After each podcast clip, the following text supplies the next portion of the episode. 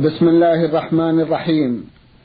الحمد لله رب العالمين والصلاة والسلام على نبينا وسيدنا محمد وعلى آله وصحبه وسلم. مستمعي الكرام السلام عليكم ورحمة الله وبركاته وأسعد الله أوقاتكم بكل خير. هذه حلقة جديدة مع رسائلكم في برنامج نور على الدرب. رسائلكم في هذه الحلقة نعرضها على سماحة الشيخ عبد العزيز ابن عبد الله بن باز الرئيس العام لإدارات البحوث العلمية والإفتاء والدعوة والإرشاد. مع مطلع هذه الحلقة نرحب بسماحة الشيخ ونشكر له تفضله بإجابة السادة المستمعين فأهلا وسهلا بالشيخ عبد العزيز. حياكم الله وبارك فيك. حياكم الله. أولى رسائل هذه الحلقة رسالة وصلت من أحد الإخوة المستمعين وقع في نهايتها بقوله ابنكم مصطفى بكر حمد. يسأل جمعا من الأسئلة في أحدها يقول هل تجوز مصافحة المرأة المسنة من غير المحارم بسم الله الرحمن الرحيم. الحمد لله والصلاة والسلام على رسول الله. وعلى آله وأصحابه ومن اهتدى بهداه. أما بعد فإن الله جل وعلا شرع لعباده ما فيه الخير لهم والعاقبة الحميدة ونهاهم عما يضرهم وعما يخشى منه سوء العاقبة. ومن ذلك أنه سبحانه وتعالى نهى عن مصافحة النساء. على النبي صلى الله عليه وسلم. فلا يجوز للمرأة للرجل أن يصافح المرأة التي ليست محرما له وإن كانت كبيرة في السن. لأن المصافحة قد تجر إلى ما لا تحمد عقباه. وقد صح عن رسول الله عليه الصلاة والسلام أنه قال إني لا لا أصافح النساء. وهذا يعم العجائز والشباب. وقالت عائشة رضي الله عنها والله ما مست يد رسول الله يد امرأة قط. يعني عند البيعة ما كان يبايعهن إلا بالكلام عليه الصلاة والسلام. قال بعض أهل العلم إن المصافحة أشد من النظر وأخطر. فالواجب ترك ذلك مطلقا. نعم. جزاكم الله خيرا. م. يقول في سؤاله الثاني هل يجوز الحلف أو القسم بالرسول صلى الله عليه وسلم؟ لا يجوز الحلف بغير الله. لا بالرسول صلى الله عليه وسلم ولا بغيره من الخلق. هذا من خصائص الله هو الذي يقسم بالله سبحانه وتعالى. كما أقسم بالطور والسماء ذات البروج والليل إذا يغشى وغير ذلك. أما المخلوق فليس له يحلف إلا بالله وحده سبحانه وتعالى. لأن هذا تعظيم لا يليق إلا بالله عز وجل وهو الذي يعلم سر العبد وصدقه وكذبه وهو الذي يجازي على الصدق والكذب سبحانه وتعالى. ولهذا صح عن رسول الله عليه الصلاة والسلام أنه قال من كان حالفا فليحلف بالله أو ليصمت. متفق على صحته. وفي لفظ يقول صلى الله عليه وسلم من كان حالفا فلا يحلف إلا بالله أو ليصمت. وفي مسند أحمد بإسناد صحيح عن عمر بن الخطاب رضي الله تعالى عنه عن النبي صلى الله عليه وسلم قال من حلف بشيء دون الله فقد أشرك وإسناده صحيح. هذا عام يعم الأنبياء وغير الأنبياء. وفي السنن سنن أبي داود والترمذي بإسناد صحيح عن عبد الله بن عمر بن الخطاب رضي الله تعالى عنهما عن النبي صلى الله عليه وسلم قال من حلف بغير الله فقد كفر أو أشرك شك من الراوي هل قال كفر أو قال أشرك. وهذا يدل على تحريم الحلف بغير الله تحريما شديدا وأنه من المحرمات الكفرية. وهو عند أهل العلم كفر أصغر وشرك أصغر إلا أن يكون أن يكون إلا يكون بقلبه تعظيم المخلوق مثل تعظيم الله أو يعتقد فيه أنه يصلح يعبد من دون الله يكون في الشرك الأكبر. نسأل الله العافية. نعم. جزاكم الله خيرا. سؤاله الأخير يقول هل يجوز أخذ شيء من اللحى ولو من باب التهذيب؟ ظاهر الأحاديث الصحيحة المنع من ذلك وأنه لا يجوز التعرض للحية بشيء. لما ثبت في الصحيحين عن ابن عمر رضي الله عنهما عن النبي صلى الله عليه وسلم قال قصوا الشوارب وأعفوا اللحى خالف المشركين. وإعفاؤها تركها على حالها وإرخاؤها وفي اللفظ الآخر يقول صلى الله عليه وسلم قصوا الشوارب ووفروا اللحى خالف المشركين خرجه البخاري في صحيحه.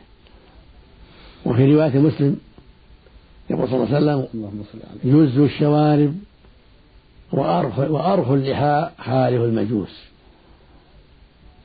وهذه الألفاظ كلها واضحة في وجوب توفير اللحية وإعفائها وإرخائها. وعدم التعرض لها بشيء. ولأن التعرض لها يفضي إلى تساهل بهذا الأمر. فالواجب توفيرها وإرخاؤها وإعفاؤها عملا بهذه الأحاديث الصحيحة عن رسول الله عليه الصلاة والسلام. جزاكم الله خيرا. الرسالة التالية رسالة وصلت إلى البرنامج من اليمن وباعثتها إحدى الأخوات المستمعات من هناك تقول عن نفسها أنا فتاة في العشرين تقريبا. درست حتى الصف السادس وتعينت مدرسة للبنات بعد الظهر. وأرجع الرابعة عصرا ثم أصلي العصر والمغرب وأجلس أقرأ القرآن ثم أضطجع وأقرأ انتظارا للعشاء كي أصلي وأنام. ثم أنام بدون صلاة لكثرة التعب دون أن أصلي. فماذا أفعل والحال هكذا؟ علما بأني أنام دون انتباه حتى الصباح ثم أقضيه في الليلة التالية. فهل علي شيء؟ هذا عمل منكر. لا يجوز أبدا. الواجب عليك أن تصلي العصر في وقتها والمغرب في وقتها والعشاء في وقتها. قد كره النبي صلى الله عليه وسلم النوم بعد المغرب كان يكره النوم قبل العشاء والحديث بعدها. لئلا يكون وسيلة إلى ترك العشاء. فلا يجوز لك التساهل بهذا الأمر بل يجب عليك أن تشتغلي بما يمنع النوم حتى تصلي العشاء بعد وقتها. إذا دخل وقتها بغروب الشفق الأحمر إذا غاب الشفق الأحمر دخل وقت العشاء. وليس لك التساهل بهذا الأمر. بل يجب وجوبا عظيما شديدا أن تحذري النوم الذي يفضي بك إلى ترك صلاة العشاء. اشتغلي بشيء مع أهلك. حتى يدخل وقت العشاء ثم تصلي العشاء. ولا تصلي العصر إلا في وقتها لا تأخريها المغرب. صلي العصر في وقتها. والمغرب في وقتها والعشاء في وقتها والفجر في وقتها والظهر في وقتها.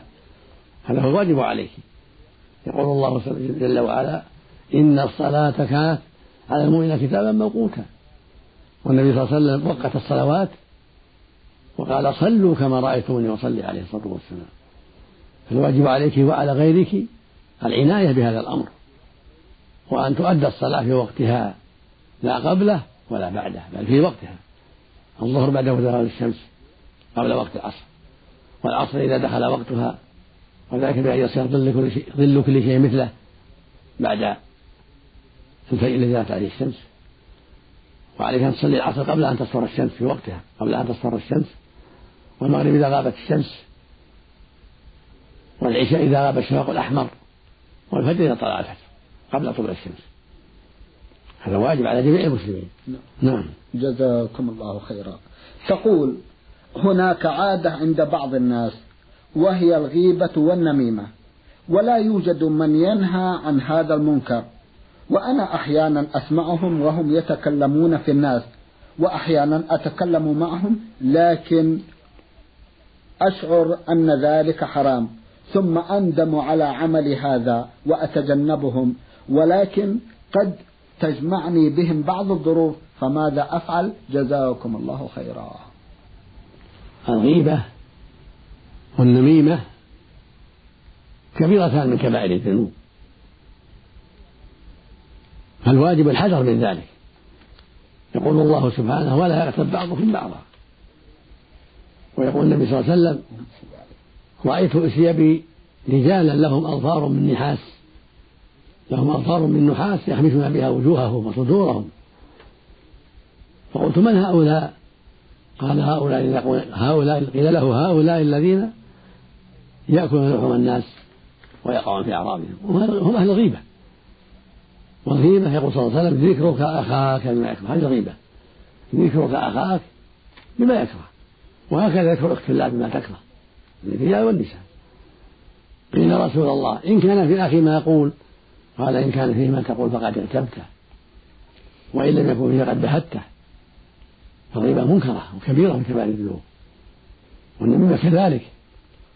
يقول الله جل وعلا ولا تطع كل كل حلاف مهين هماز مشاء بنميم ويقول النبي صلى الله عليه وسلم لا يدخل الجنة نمام ويقول صلى الله عليه وسلم إنه رأى شخصين يعذبان في قبورهما. أما أحدهما فكان لا يستنزل من البول وأما الآخر فكان يمشي بالنميمة. فالواجب عليك أيها الاخت الله الحذر من مجالسة هؤلاء الذين يغتابون الناس ويعملون بالنميمة. وإذا جلست معهم فانكري عليهم ذلك وحذريهم من مغبة ذلك. وأخبريهم أن هذا لا يجوز وأنه منكر. فإن تركوا ولا فقومي عنهم لا تجلسي معهم. ولا تشاركهم في الغيبة ولا في النميمة. نعم. جزاكم الله خيرا. الرسالة التالية من إحدى الأخوات المستمعات وقعت في نهايتها بقولها أختكم في الله سين ميم صاد من الأردن. عرضنا جزءا من أسئلتها في حلقة مضت وفي هذه الحلقة بقي لها بعض الأسئلة في أحدها تقول هل الصلاة والصوم وغيرها من العبادات فرض على الأولاد الذين لم يبلغوا أم لا؟ وهل يعاقبون على ترك الصلاة مثلا؟ جزاكم الله خيرا. من شرط الوجوب التكليف أن يبلغ الحلم الرجل والمرأة. والحلم يكون بإكمال خمسة عشر سنة للذكر والأنثى. أو إنبات الشعر الخشن حول الفرج الشعرة. أو إنزال المني بالاحتلام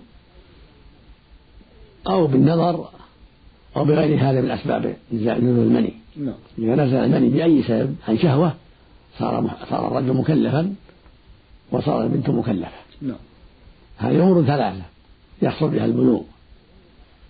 للرجل والمرأة. الأول إكمال خمسة عشر سنة. هجرية الثاني إنبات الشعرة التي حول الفرد يعني الشعر اللي حول الفرد ويسمى الشعرة والعانة للرجل والمرأة. الثالث إنزال المني عن شهوة باحتلام أو بغيره وهناك رابع في حق المرأة وهو الحيض إذا حاضت ولو بنت تسع أو عشر تكون امرأة مكلفة. تجب عليها الصلاة والصوم صوم رمضان. والحج مع الاستطاعة. وهكذا الرجل. المقصود أن بهذه الأمور الثلاثة حق الرجل والمرأة يجب على عليهما الصلاة الخمس الصلوات الخمس وصوم رمضان وحج بيت مع الاستطاعة. وعلى المرأة إذا حاضت كذلك يجب عليها الصلوات الخمس وصوم رمضان والحج مع الاستطاعة. نعم. نعم. أما من قبل البلوغ لا يجب عليه. لكن يشرع له إذا بلغ سبعا نعم. يؤمر بالصلاة ويؤمر بالصوم إذا أطاق ذلك يأمره وليه بالصلاة والصوم. وهكذا ابن عشر وما فوقه حتى يبلغ. حتى يعتاد الخير حتى يعتاد الصلاة حتى يعتاد الصوم. يأمره وليه ويأمرها وليها بهذا. وإذا بلغ الرجل عشرا والمرأة عشرا فللولي أن يضربهما إذا تخلفا لأن النبي عليه السلام قال مروا أولادكم بالصلاة لسبع واضربوهم على لعشر والأولاد يشمل الذكر والأنثى. وفرقوا بينهم في المضاجع إذا بلغ الذكر عشرا والأنثى عشرا فالرجل مأمور بأن يضربهما ويؤدبهما إذا تخلفا عن الصلاة. وهكذا الصوم صوم رمضان. حتى يتمرن ويعتاد فعل هذا الواجب. فإذا بلغ فإذا هما قد اعتاداه وصار من سجيتهما وخلقهما. وهكذا وليهما يزجرهما عن المعاصي. عن الغيبة والنميمة والسب والشتم وغيرها من المعاصي التي نهى الله عنها ورسوله. الولي ينهاهما عنها قبل البلوغ وبعده. نعم. جزاكم الله خيرا. لها سؤال آخر تقول فيه. يوجد عندنا مقام. ويدعي الناس أنه موجود فيه قبر الخضر عليه السلام. فيأتون إلى هذا المقام ويأخذون معهم الشموع والحلوى. وعندما يدخلون فيه يضيئون الشموع ويبدأون بالدعاء والنذر عند هذا القبر. فهل هذا بدعة وجهونا مأجورين الخضر مات من دهر طويل والصواب أنه مات قبل بعثة النبي عليه الصلاة والسلام وهو رجل صالح وذهب جماعة من العلم إلى أنه نبي وهو الأرجح لظاهر القرآن الكريم ولكن لا يعرف قبره والذي يقال عندهم انها قبر كذب لا لا صحة له. ولو عرف ما جاز أن يغلى فيه ولا ينذر له ولا يدعى من دون الله ولا يتبرك به ولا يبنى عليه. بل هذا منكر عظيم. بل النذر للخضر أو دعاء من دون الله من الشرك الاكبر كدعاء الأنبياء والصالحين والاستغاثة بهم كله شرك أكبر. الله يقول سبحانه فلا تدعوا مع الله أحدا. ويقول سبحانه من يدعو مع الله إلها آخر لا برهان له به فإنما حسابه عند ربه إنه لا يفلح الكافرون. فلا يجوز للرجل ولا المرأة دعاء الخضر ولا الاستغاثة به ولا النذر له. ولا الطواف بما يسمى بما يدعى أنه قبر له كل هذا لا يجوز. بل من الشرك الأكبر دعاء والنذر له والاستغاثة به من الشرك الأكبر. والطواف بقبر يدعى أنه قبر الخضر أو غيره طواف القبور طلبا لثواب من أهلها والفائدة من أهلها شرك أكبر. فالواجب على جميع من يأتي هذا القبر أن يترك ذلك وأن يحذره. والواجب على الدولة إذا كانت مسلمة أن تهدم هذا وتزيله لأنه كذب لا, صحة له. نعم. جزاكم الله خيرا. لها سؤال مطول بعض الشيء تقول فيه هل قراءة القرآن عند القبور بدعة؟ وخاصة سورة الفاتحة وسورة البقرة. علما بأني قرأت في كتاب الروح لابن القيم عن قراءة القرآن عند دفن الميت وقراءة القرآن أيضا عقيب الدفن. ومثال ذكر على ذلك أن جماعة من السلف أوصوا بأن يقرأ عند قبورهم وقت الدفن. قال عبد الحق يروى أن عبد الله بن عمر أمر أن يقرأ عند قبره سورة البقرة. وممن وممن رأى ذلك المعلى بن عبد الرحمن. وكان الإمام أحمد ينكر ذلك أولا حيث لم يبلغه فيه أثر.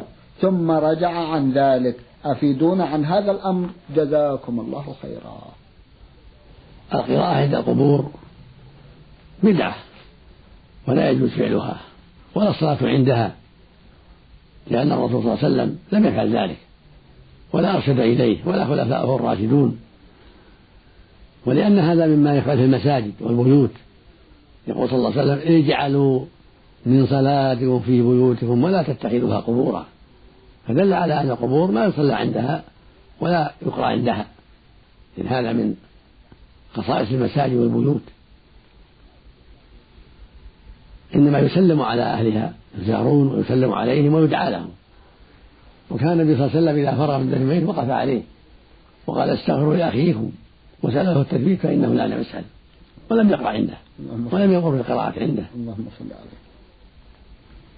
وما يروى عن عبد الله بن عمر إن صح عنه لا يعول عليه لأن العبادات تتلقى من الرسول صلى الله عليه وسلم أو من القرآن.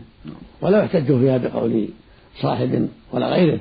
ما عدا الخلفاء الراشدين حيث قال فيهم النبي صلى الله عليه وسلم عليكم بسنتي وسنة الخلفاء الراشدين من بعده تمسكوا بها وعضوا عليها بالنواجذ فما جاء عن الخلفاء الراشدين يعتمد إذا كان لا يخالف سنته عليه الصلاة والسلام.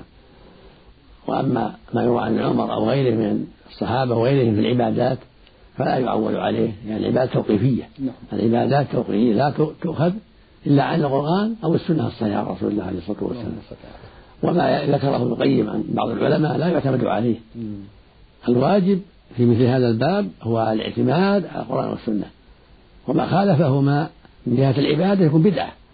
فلا يصلى عند القبور ولا يقرأ عندها ولا يطاف بها ولا تدعى من دون الله ولا يستغاث بأهلها.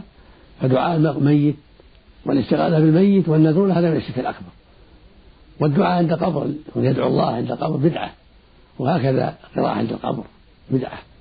نعم. جزاكم الله خيرا.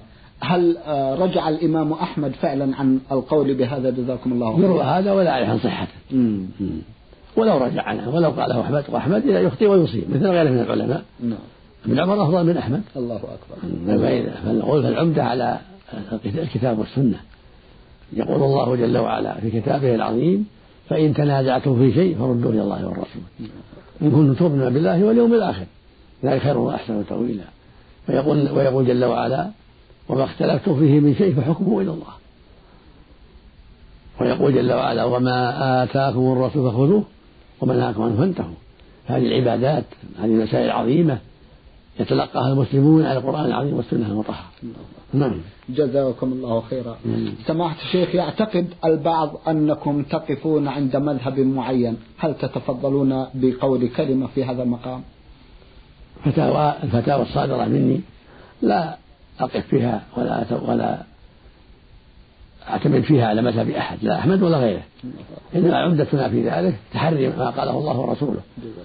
سواء كان في مذهب أحمد أو مذهب الشافعي أو مالك أو أبي حنيفة أو الظاهرية أو بعض السلف المتقدمين. نعم. المقصود تحري ما دل عليه الكتاب والسنة.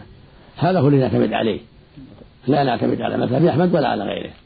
إنما نعتمد على ما قاله الله ورسوله وما دل عليه الكتاب والسنة في الأحكام. لأن هذا هو الواجب على كل طالب علم. نعم. جزاكم الله خيرا. جزاكم الله خيرا. نسأل الله للجميع التوفيق. والهداية نعم. اللهم آمين.